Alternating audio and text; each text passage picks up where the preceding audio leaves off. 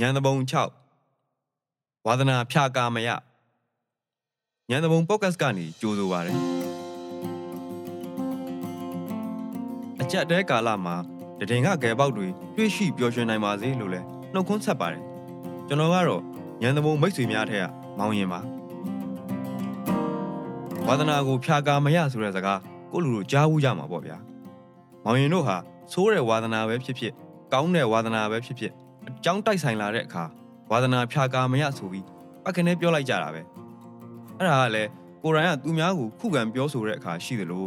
သူများကကိုယ့်ကိုတိုက်ခိုက်ပြောဆိုတာလည်းရှိပါတယ်ဥပမာဖဲမကြာခဏရိုက်နေတဲ့လူတစ်ယောက်ကို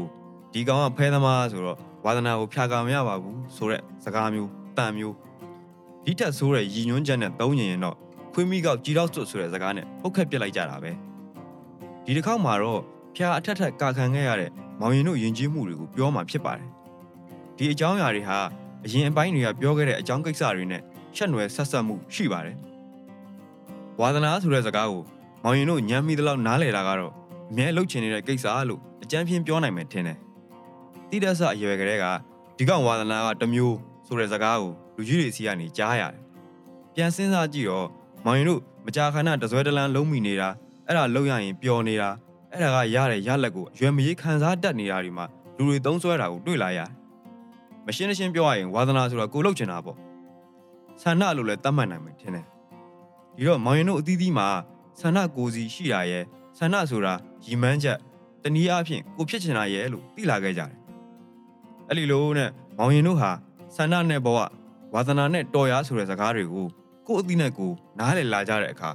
မောင်ရင်တို့ရဲ့ဘဝရဲ့ အခက်အခဲအကြီးမားဆုံးရွေးချယ်မှုတွေလုပ်လာကြရတယ်။ဒါတိတက်ဆအရွယ်မှာပေါ့ဗျာ။အလွယ်ဆုံးပြောရရင်အထက်တန်းတက်တော့ဟိုဘာသာရရွေးရတယ်လို့ပဲ။ဝိဇ္ဇာပဲရွေးရမလားဇော်ကြီးပဲရွေးရမလားသိပ္ပံပဲရွေးရမလားအေခန်းကကောင်းမလေးချောချောပဲရွေးရမလားဖြစ်တဲ့ဒွိဟာပေါ့ဗျာ။ဒီကိစ္စကြီးဟာရှုပ်ထွေးကြဲပြန်လွန်းလို့ပြောရဆိုရအင်မတန်ခွတ်ကြပါတယ်။နောက်ပြီးတကဘာလုံးကလူငယ်တွေရင်ဆိုင်နေရတဲ့ပြဿနာလည်းဖြစ်ပါတယ်။အဲ့ဒီတော့မောင်ရင်တို့ကယဉ်ကျေးတဲ့လူအဖွဲ့အစည်းဆိုတာ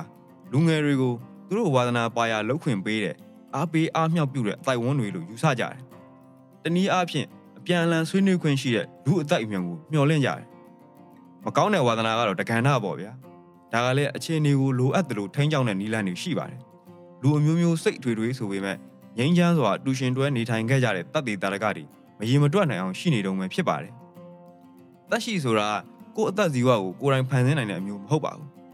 အသက်ဇီဝဖြစ်လောက်တဲ့ရေကန်မြေကန်တွေမှာပဲတက်ရှိတွေဟာပေါ်ပေါက်မျိုးပွားလာကြတာဖြစ်ပါတယ်။ငါမွေးလို့ကြီးပြင်းလာရင်ရက်ဖိုးကုံမှဆိုးလို့ငါ့ကိုမွေးကြတဲ့အမူးကလေးမွေးလိုက်စမ်းဆိုပြီးဘသူမှစီရင်ဖန်တီးလို့မရသေးပါဘူး။မျိုးရိုးဗီဇတိတ်ပံထွန်းကားလာပြီမဲ့ပြင်ထားတဲ့မျိုးရိုးကိုပျက်စီးဖောက်ပြန်နေတဲ့ပတ်ဝန်းကျင်တစ်ခုမှထားလိုက်ရင်သူလည်းဘာမှတတ်နိုင်မှာမဟုတ်ပါဘူး။မောင်ရင်ဆိုလိုရင်ကလူဆိုတာမွေးလာကြတဲ့ကဆိုးသွမ်းနေတာလိမ်မာနေတာမဟုတ်ပဲပတ်ဝန်းကျင်ကပြုပြင်လာရဲ့ သူကိုယ်တိုင်ရင့်တန်လာတဲ့ညံကိုမွေးယူသွားကြရတယ်ဆိုတဲ့ဟာအချက်တွေဖြစ်ပါတယ်။ဒါဖြစ်ရင်ပတ်ဝန်းကျင်ရဲ့ယဉ်ကျေးမှုကဘယ်လိုရှိလဲ။အရေးကြီးခက်ခဲတဲ့ရွေးချယ်စရာတွေမှာမောင်ရင်တို့ဘယ်လိုရွေးချယ်ဖြတ်တန်းခဲ့ကြလဲ။ကွန်ပျူတာတိုးတက်မှုဆိုတာလူစွမ်းအားအရင်းမြစ်လို့ခေါ်တဲ့လူသားတွေရဲ့တီထွင်ဖန်တီးနိုင်စွမ်းပေါ်မှီတည်နေသလား။အဲ့တော့မောင်ရင်တို့ကရောဘာတွေလွတ်ခွင့်ရပြီးဘာတွေဖွံ့ဖြိုးတိုးတက်ခဲ့ကြပြီလဲ။မိကုန်းတွေတိတ်များသွားလို့အာယုံနောက်တယ်ဇရားရှုပ်တယ်မထင်ကြအောင်နဲ့။ ကိုလူတို့ကြုံခဲ့ရတာတွေကအခုထက်ပိုပြီးရှုပ်ထွေးပွေလီပါတယ်။ဒါလေးတွေကိုပြန်မှတ်မိသလောက်ဝင်းဆက်ကလေးတွေနဲ့စီကြည့်ကြဖို့ပါပဲ။မောင်ရင်ကဝင်းဆက်တွေကိုစီကြည့်တဲ့အခါအစောဆုံးစဉ်းစားမိတာကတော့ကိုလူတို့နားရီဝနေတဲ့ပထမအရွယ်မှာပညာရှာဒုတိယအရွယ်မှာဥစ္စာရှာတတိယအရွယ်မှာတရားရှာဆိုတဲ့သုံးမစကားကိုအရင်စဉ်းစားမိတယ်။ဒါကမောင်ရင်တို့ယဉ်ကျေးမှုလို့ဖြစ်နေတဲ့ထုံနှန်းစင်လာသုံးမစာတွေဖြစ်ပါတယ်။ဒီစကားတွေအတိုင်းပဲဘဝတစ်လျှောက်လုံးတုံသင်သွားသူတွေဖြတ်တန်းသွားသူတွေကလည်းမိခိုးမဆုံးမိုးမဆုံးရှိပါတယ် ဒီစာကိုမောင်ရင်ငယ်ငယ်ကလောကနီတိမှာစာအုပ်ကိုဖတ်ရပူပါတယ်။ပါဠိတစ်ဖက်နိတယလို့ခေါ်တဲ့အနက်ပြန်တာတစ်ဖက်လည်းပါပါတယ်။ဒီစာရဲ့ရွယ်ချက်ကတက်ကြီးဝါကြီးတွေဟာလူငယ်တွေကိုအစင်သဖြင့်အစင်ပြေချောမွေပြီးဘဝကိုအေးအေးလူလူဖြတ်တန်းစေလိုဟန်ရှိပါတယ်။စာထဲမှာတရားရှာပြီးကောင်းရရောက်ဖို့ကမသေးခင်ရည်မှန်းချက်ကိုသို့တော့လက်တွေ့မှာတော့လူငယ်တော်တော်များများဟာဒီသဘောတိုင်းဖြစ်မလာနိုင်ကြပါဘူး။ဒီစကားတွေဟာကြယ်ပြန့်တဲ့အောင်နဲ့အတော့ကိုအကန့်အသတ်တွေရှိနေတာပါ။ လူကြီးတွေပြောလို့ရှိရဲ့မင်းတို့ရဲ့နောင်ရဲအတွက်ဆိုပေမဲ့သူတို့ပြောတဲ့အတိုင်းတသွေမတိန်လောက်ကင်ဆောင်ရွက်ခဲ့သူတွေတောင်မှသူတို့ပြောသလိုရေရှည်မှာမရက်တည်နိုင်ကြပါဘူးဒီထဲမှာအရေးကြီးဆုံးအချက်ကဖြင့်ဒီဆုံးမစကားပြောတဲ့ပုံကိုယ်တွေတောင်မှသူတို့ရင်ညွှန်းတဲ့တရားအတိုင်းမကျင့်နိုင်ကြဘူးဆိုတာမောင်ရင်တို့မျက်မြင်ပဲဖြစ်ပါတယ်ဆိုပါတော့ဗျာပထမအရွယ်မှာပညာရှာကြပြီလောကနီတိကျမ်းအလိုရလဲအတတ်ပညာမရှိသူဒီပစ္စည်းဥစ္စာမရနိုင်ရတဲ့ကောင်းပြီလေဒီတော့ပညာရှာကြပြီဆိုပါတော့ ဟိုမှာစညာတာကလွတ်ကျက်ပညာရေးစနစ်ကြီးဗျကျက်တူရေးပညာသင်စနစ်ဆိုတာကိုလူတို့ကိုယ်တိုင်လှောင်ခဲ့ကြတယ်မဟုတ်လားပြီးတော့ကျက်တူရေးနဲ့တာလိကဘဲကောင်ပို့ပြီးလူစကားတက်မလဲပြန်ခိုင်းသေးတာကတမှောင်ရဲ့ဒီစနစ်ကြီးကမောင်ရင်တို့ရဲ့ကြိုးချောင်းဆက်ဆက်ဆင်ញင်နိုင်စွမ်းကိုရက်တံပြစ်လိုက်တယ်ဒါပညာရှင်တွေပြောတဲ့စကားနော်အနည်းဆက်ဆုံးဥပမာပြရရင်ဓမာယုံကဖွင့်တဲ့သချင်းကိုအလွတ်ရသွားသလိုပေါ့ဗျာဒါဆိုအတော်ရှင်းမယ်ထင်ပါတယ် ကျောင်းမှာနှစ်တိုင်းကျင်းပလေးရှိတဲ့ပွဲလန်းသမင်တွေမှာမကြာခဏပါလေးရှိတဲ့သချင်းတစ်ပုဒ်ရှိတယ်ကျွန်တော်ရီမန်းချက်ဆိုတဲ့သချင်းပေါ့ဗျာစုံညီပွဲတော်တွေမှာကလေးတွေကိုဌာနဆိုင်ရာယူနီဖောင်းတွေပေးဝတ်ပြီးတက်ကခိုင်းတဲ့သချင်းပေါ့အဲ့ဒီထဲမှာလူညွန်ဖြစ်ဖို့ကြိုးစားမိဆရာဝန်ဖြစ်ဖို့ကြိုးစားမိမြမသားကောင်းစာနီစစ်သားကြီးကိုကျွန်တော်မျှော်မှန်းသည်ဆိုတဲ့အပိုက်ကပါလာတယ်ဒါပဲသူတို့ရီမန်းချက်က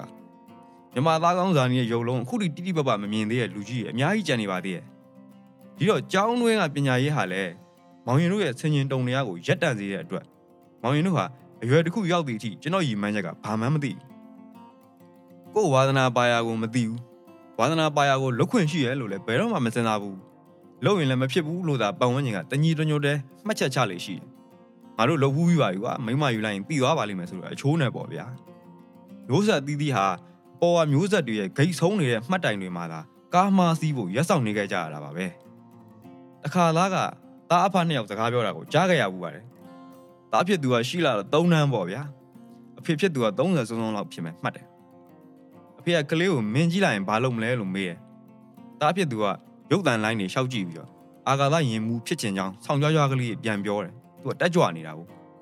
အဲ့မှာအဖေကမင်းတင်ချတွေတွေ့ရမှာပေါ့ចောင်းစာနိုင်ရင်လားလို့ပြန်မေးတယ်သားကဇဝေဇဝါဖြစ်သွားတာတွေ့လိုက်တယ်အဖေကဆက်ပြီးတော့ဟိုဒါဖြစ်မင်းဘောလုံးသမားလောက်ပါလားတဲ့ တစ်ပတ်တစ်ပတ်ကိုငွေတွေအများကြီးရတာကွာတဲ့အာဂါသဂျာနယ်တွေရဲ့စက်နက်ပေါ့ဗျာဟိုကောင်လေးကဘောလုံးကံမယ်လို့ရင်အမေဖြစ်သူကတပြန်စီးနဲ့လိုက်လာသူတို့မိဘချင်းတော့မညှိရသေးဘူးသိပ္ပံပညာရှင်ဖြစ်ချင်တဲ့ကလေးဟာအဲ့ဒီမှာတင်ဂိတ်ဆုံးသွားပြီးတော့စာပေစာယူဖြေလို့အစိုးရဝန်ထမ်းဖြစ်သွားရှာပါတယ်သူ့ရဲ့စိတ်အားထက်သန်တဲ့ပညာဆိုင်ရာဘဝဟာသုံးလနဲ့တင်ပြီးသွားတာပေါ့အခုတော့သူတွက်ချင်နေတဲ့ချဲကနိုင်တွက်နေရပြီထင်ပါတယ်သူ့ဖေကလည်းဘောပွဲလောင်းသမားကိုဒါမျိုး ဝမ်းနေစရာကချွတ်ကချော်တွေကမောင်ရင်တို့ဘဝမှာအပုံကြီးပါပဲသူ့အတွင်းနဲ့သူကွန်မြူနတီရဲ့ကလေးတယောက်ကိုအတွေးသမားစာရေးစရာထမင်းငတ်ဆိုပြီးတန်းလုံးကဝိုင်းလောင်ကြတာသိပ္ပံပညာရှင်ဖြစ်ချင်တဲ့ကလေးကိုတင်ချာအကြောင်းပြောအောင်မတင်ပေးလိုက်ကြဘူးပကြီးစရာဖြစ်ချင်တဲ့ကောင်လေးရဲ့ပကြီးအချိန်ကိုတင်ချာအချိန်နဲ့စားထုတ်လိုက်ကြပြီးတွက်ချက်ရတဲ့အမြောက်လီပေါင်းတွေကိုကြက်ခိုင်းတယ်ဒီထက်ပိုပြီးလည်းမရတော့ဘူးနောက်ပြီးနိုင်ငံရေးသမားဖြစ်ချင်တဲ့ကလေးကိုဇာရိတာနဲ့ပြည်သူနီတီပဲနှလုံးသွင်းခိုင်းတာနဲ့ဖုံးကြီးဝတ်သွားတဲ့ဖြစ်ရမျိုးတွေပေါ့ဗျာ ငယ်ဖြူဆိုပြီးတော့မြောက်ပေးနေတော့ဝုန်းဆိုဒါယကာမာတုကာမလေးနဲ့ဇလန်းဖြစ်သွားတာလဲကိုလူလူကြားဘူးကြမှာပေါ့ဒီကလေးတွေကိုဘဝအနောင်ရင်ပူပန်ချက်အကြောင်းပြပြီးတော့ဘောင်ခတ်လိုက်တဲ့အတွက်သူတို့ခမကိုကိုကိုယုံကြည်မှုတမိုးထားလေးစားမှုတွေအညွန့်တုံးကုန်ပါတယ်ဒီကိစ္စဟာသက်ဆိုင်ရာဝါသနာအသီးသီးကဏ္ဍအသီးသီးမှာရှိနေတာပါဆိုတော့လူငယ်တွေလူတော့မတို့တော့ဘူးပေါ့ဗျာအမြဲစိတ်ထဲမလုံခြုံမှုတွေကိုအမွေရသွားတာပေါ့ ဝဲရပညာမတတ်ဆိုပြီးတော့လူငယ်မျိုးဆက်တွေအလှောင်ခံရတာဟာအသီးသီးသောမျိုးဆက်တိုင်းမှာတာဝန်ရှိပါတယ်ဘယ်သူမှတာရနာတယ်ရှိမနေပါဘူးဟုတ်ပြီအဲ့ဒီ delay တွေနဲ့စာရီသင်လာပြီးတော့သူတို့ပြောတဲ့ဒုတိယအရွယ်မှာဥစ္စာရှာကြပြီဆိုပါတော့မောင်ရင်တို့ဟာကိုလုတ်ချင်ရကိုသေချာမသိခဲ့ရတော့အလုတ်ခွင်တွေမှာလည်းအံဝင်ခွင်ကြောက်မှုမရှိဘူးအလုတ်ခွင်ကလည်းကိုသိရနဲ့အံဝင်ခွင်ကြောက်မှုမရှိဘူးအလုတ်ခွင်တစ်ခုမှာခဏလုတ်ပြီးတော့ကိုလုတ်ချင်ရလုတ်မယ်ဆိုတဲ့လူငယ်တွေဟာလည်းကနဦးလုတ်ခဲ့တဲ့အလုတ်မှာပဲနှွေဝင်သွားတယ် ငငယ်ကကြောင်းသွားရမှာပြင်းတယ်လို့အရွယ်ရောက်လာတော့လဲအလုတ်သွားရမှာပြင်းကြရောပြင်းမှာပေါ့ဗျကိုလုတ်ချင်တဲ့အလုတ်မှာမဟုတ်ပဲကိုအသင်းဖွဲ့နဲ့ဆောင်ရွက်ကြတဲ့ဒလိကိုလေထဲမှာပဲရှောက်ပြောကြတာအသင်းဖွဲ့တတ်မကတွေဖွဲ့မယ်ဆိုတော့လေဟိုကောင်တွေကခွင့်မပြုပြန်ဘူးအဲ့ဒီမှာသူတလူငါတမင်းတွေတွက်ကတ်တတ်တဲ့အကျင့်တွေပါလာကြတော့တာပါပဲမောင်ရင်တို့ဒလိမှာဘုံပန်းတိုင်တွေချမှတ်ပြီးလောက်ကြတဲ့အလုပ်တွေတောင်မှပျက်စီးလွယ်ကြအောင်မြင်ခဲကြပါတယ်နှစ်ယောက်ဆိုရင်တယောက်တစ်ပါတီ ထောင်နေဆိုပြီးပြက်ရပြုတ်ခံရတာလဲမောင်ရင်တို့တွေပါပဲဆိုတော့နယ်ပယ်အသီးသီးဟာအဝင်ခွင်ကြမှုမရှိတာတွေနဲ့တိုးတက်မှုတွေဟာလဲဆုတ်ယုတ်လို့သာရှိနေကြကြတာပါလောက်เสียအလုပ်တွေရှိပေမဲ့အောက်ပါကန့်သက်ချက်ဆိုတာတွေကလည်းအများကြီးဖြစ်နေလို့အခွင့်အလမ်းတွေကလည်းအင်မတန်နှဲဖခဲ့ကြပါတယ်လူမှုအစဉ်တန်းအနေနဲ့ကြည့်ရင်လည်းမောင်ရင်တို့ဟာပထမအရွယ်မှာကလေးကထမင်းငတ်ဖို့ကြောက်နေခဲ့ကြရတာပါ စားဝတ်နေရေးလုံလုံချုံဖူလုံမှုတွေမရှိကြပါဘူးရှေ့ကလူရင်းမင်းများကလည်းမသေးုံတမဲရှင်သန်ခွင့်ကိုသာ ရေရှည်ခံတဲ့ဘဝပန်းနိုင်တွေအဖြစ်သတ်မှတ်ခဲ့ကြတယ်လွတ်လပ်ခွင့်ဆိုတာလည်းအလွန်ရှားပါတယ်ခုဆိုရင်လက်ဖက်ရည်ဆိုင်မှာတယောက်ကဆက်လိတ်တပွဲမှာတယောက်ကထမင်းစီစမ်းအလွတ်တပွဲမှာပြီးဝေမျှစားရတဲ့အခြေအနေမျိုးတောင်လူငယ်တွေမှာရှိမနေတော့ပါဘူးလူငယ်တွေတက်သေအောင်ကြိုးစားမှရနိုင်တယ်ဆိုတဲ့ကြွားလုံးထုတ်ခံရတဲ့အရာတွေဟာတကယ်တော့လူငယ်လူဒန်းစားအသီးသီးအတွက်ဒန်းလူရတဲ့အခွင့်အရေးတွေဖြစ်တင်ပါတယ်ဆင်းရဲလို့တက္ကသိုလ်အဆင့်တောင်မရောက်လိုက်ရပဲမီယိုးဖလာလုပ်ငန်းမှာပဲမီယိုးဖလာနီးလန်းတွေနဲ့ဘဝဆုံးသွားတဲ့လူငယ်တွေဟာ အခုထိပုံအောင်ကြံရှိနေပါသေးတယ်လူငယ်ဘဝမှာပျော်လဲမပျော်ခဲ့ရတဲ့သူတွေပညာလဲရေးရရမရခဲ့ကြတဲ့သူတွေဟာခက်အဆက်ဆက်ကြေကွဲစရာပုံမြင်နေအဖြစ်ဖော်ညွှန်းခံနေရတော့မှရှိပါသေးတယ်ဒီအခြေအနေတွေမှာမောင်ရင်တို့ဝါသနာဘယ်နာနေမှမသိဒုတိယအရွယ်မှာပဲဥစ္စာရှာရင်အချစ်တွေပါရလာပြီးတော့တန်မြာတို့ကမှမျောပါစီစဉ်သွားခဲ့ရတယ်ပေါ့ဗျာချစ်ချင်းမြတ်တာဆိုတာကိုဒုက္ခတွေနဲ့ပုံဖော်မြင်သွားကြလို့တသက်လုံးကြောက်ကြမျိုးမျိုးနဲ့နေသွားကြရပါတယ်သူတို့ရဲ့ဉာဏ်ပညာပါရမီကအထောက်ပံ့ရပြီးတော့ဘ ဝကိုကြည်ကြည်နက်နက်နေသွားကြတဲ့ပုံကိုယ်တွေဟာလည်းပတ်ဝန်းကျင်မှာမရှိသလောက်ရှားပါတယ်မကျင်တဲ့ဘက်နေနေရတဲ့လူအဖွဲ့အစည်းရဲ့ယဉ်ကျေးမှုတစ်ခုဟာဘယ်မှာငြိမ်းငြိမ်းချမ်းချမ်းရှိမလဲဒီယဉ်ကျေးမှုတွေပါပဋိပက္ခဖြစ်လို့တိုးတက်မှုတွေရှိလာတာအထက်ရုပ်ရောမှုသာရှိလာတာပါနောက်ဆုံးအချက်ဖြစ်တဲ့တတိယရွယ်မှာတရားရှာဆိုတာကတော့တော်ပြုံးစည်းစီဖြစ်เสียကောင်းပါလေဗျာဒီလူတွေကတကယ်ရောတရားရကြသလားတရားရောရှာကြသလားရတာကဘယ်တရားလဲစသဖြင့်မိကုန်းတွေအများကြီးရှိပါတယ်သူတို့ရခဲ့တဲ့တရားတွေဟာ သူတို့အလိုအတိုင်းမဟုတ်ရင်ဘယ်တရားဖြစ်ဖြစ်ဘယ်အလုပ်ဖြစ်ဖြစ်ပြောင်းလဲအသိမှတ်မပြုတ်ရတဲ့တရားတွေအဖြစ်မောင်ရင်တို့မြင်နေကြရပါတယ်အလုပ်လုပ်တဲ့အခါဝါသနာဆိုတာထက်အကျိုးလိုလားလို့လုပ်ကြတာလို့တရေသေးယူဆကြပါတယ်ဝါသနာရလုပ်တဲ့အလုပ်ကိုလည်းအလုပ်လို့မမြင်ကြသလိုမြှောက်စားဖို့အတွက်စိတ်ဓာတ်တွေနေရာပေးမှုတွေရှားပါခဲ့ကြပါတယ်သူတို့တွေးခေါ်ပုံဟာတကူစားရွေ့တဲ့အောင်ကလေးသာရှိရပါလူဖွဲ့စည်းကိုကိုစားပြုမနေပါဘူးတော်လန်ရေးမှာဒီအခြေခံစိတ်ဓာတ်တွေကအစဖောက်ထွက်တော်လန်ကြဖို့ စူးစမ်းတက်တည်ပြကြဖို့မောင်ရင်တို့အားလုံးမှာတာဝန်ရှိနေတာဖြစ်ပါတယ်မဟုတ်ရင်ကဘာကြီးအကျိုးကိုတက်ကြွလှုပ်ရှားလိုတဲ့လူငယ်တွေရဲ့ပန်းနိုင်ဟာဓမ္မယုံကဂောဘကအဆင့်လောက်နဲ့ပြည်ဖုံးကားချသွားမှာဖြစ်ပြီးတော့ဂောဘကဆိုတာကိုနာယကကုံမြောက်သောအရိယာသူတော်စင်ကြီးလိုထင်နေတဲ့ဘဝမှာတောင်တင်သွားမှာဖြစ်ပါတယ်မြမအိုចောင်းယူចောင်းကြားကရင်အိုမြောင်းယူမြောင်းကြားဆိုတဲ့စကားတွေနဲ့လူတယောက်ရဲ့မရေမရာနေဝင်ချိန်တွေကိုခွဲခြားဆက်ဆံပုံဖော်ခံနေရတာတွေကိုလည်းအဆုံးသတ်မှာဖြစ်ပါတယ်နောက်ပြီးတော့ပျော်ရမှာမနေတော်ရမှာနေဆိုတဲ့ မမြင်ရတဲ့ကံကြမ္မာကိုရိုးမယ်ဖွဲ့လိုက်ရတဲ့ဝဆင်းရဲတွေကလည်းလွတ်မြောက်မှာဖြစ်ပါတယ်လူကြီးတွေကသူတို့ငငယ်ကပညာကိုဘလို့ရှာခဲ့ကြောင်းဘလောက်ခက်ခက်ခက်ခဲလောက်ခဲ့ရကြောင်းပြောပြီးတော့လူငယ်တွေကိုပညာပေးလေရှိကြတယ်ဒါပေမဲ့အဲ့ဒီနောက်မှာမင်းတို့ဘလို့နေရတာငါတို့လောက်ခဲ့လို့ဆိုတဲ့မန်းနဲ့တိုင်တက်ပြမှုကလည်းကက်လျက်ပါနေရပါ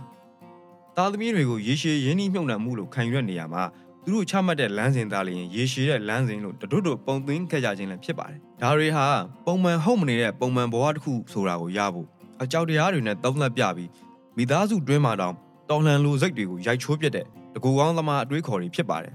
။လူဖွဲ့စည်းတဲ့ရဲ့တိုင်းပြည်တစ်ခုထူထောင်ရမှာတော်လှန်ပုံကန်တဲ့အခြေခံစိတ်ဓာတ်ကအရေးကြီးပါတယ်။အခုကလူငယ်တွေဝါသနာကိုဖျားကာခံရအောင်မကပဲပြစ်ဒဏ်အမျိုးမျိုးနဲ့တင်းသက်ပစ်တဲ့ခေတ်အခြေအနေကိုတော်လှန်ပုံကန်နေကြတာဖြစ်ပါတယ် ဒီလိုမရင်ကြီးတဲ့စိတ်ဓာတ်တွေကိုအလွန်တရာတိုးတက်ရင်ကြီးတဲ့စာလေးတစ်ခုနဲ့နှိုင်းရှင်ဖော်ပြခြင်းပါတယ်ဒီစာလေးဟာပကြီးဆရာကြီးဝတုံက1985ခုနှစ်မှာရေးခဲ့တဲ့စာလေးတစ်စောင်ဖြစ်ပါတယ်မောင်ရင်ဒါလေးကိုဖတ်ပြပါမယ်နှစ်ပေါင်း20လောက်ပကြီးရေးပြီးတဲ့အခါမှာလဲကျွန်တော်ဟာမသေးမချင်းလေ့လာသင်ယူခြင်းစိတ်ပဲရှိနေပါတယ်တကယ်လဲအမှုပညာသမိုင်းကြောင်းဆိုတာလူသက်တန်းထက်အများကြီးရှည်လျားတာပဲမဟုတ်လားအစကတော့ဝါသနာရှင်အခုတော့ဖန်တီးသူ ဖန်တီးတုံးအချိန်မှာကိုတယောက်တည်းကြည်နူးဒုက္ခရတယ်လူအများစီပုတ်လွတ်တဲ့အခါမှာလဲအများနားနားလဲခံစားဖြစ်ရင်ကျွန်တော်ပြောပါတယ်အများနားလဲခံစားဖြစ်ရင်ကျွန်တော်ပြောပါတယ်ကျွန်တော်ရဲ့ညီငယ်တွေကျွန်တော်ထက်တော်ပါစေဒါမှသမိုင်းတိုးတက်မှုရှိပါလိမ့်မယ်လေးစားစွာအကြည်ဝသုံး gain ကိုလူတို့အားလုံးဝါသနာကိုဖြတ်ကာခံရတာကိုထက်ထုတ်ရှင်းလင်းနိုင်ကြပါစေကြောင်းနဲ့ကိုရိုင်းကလည်းဝါသနာကိုဖြတ်ကာသူမဖြစ်အောင် ဉာဏ်တပုံထနိုင်ကြပါစေကြောင်းမေတ္တာပို့သလိုက်ရပါတယ်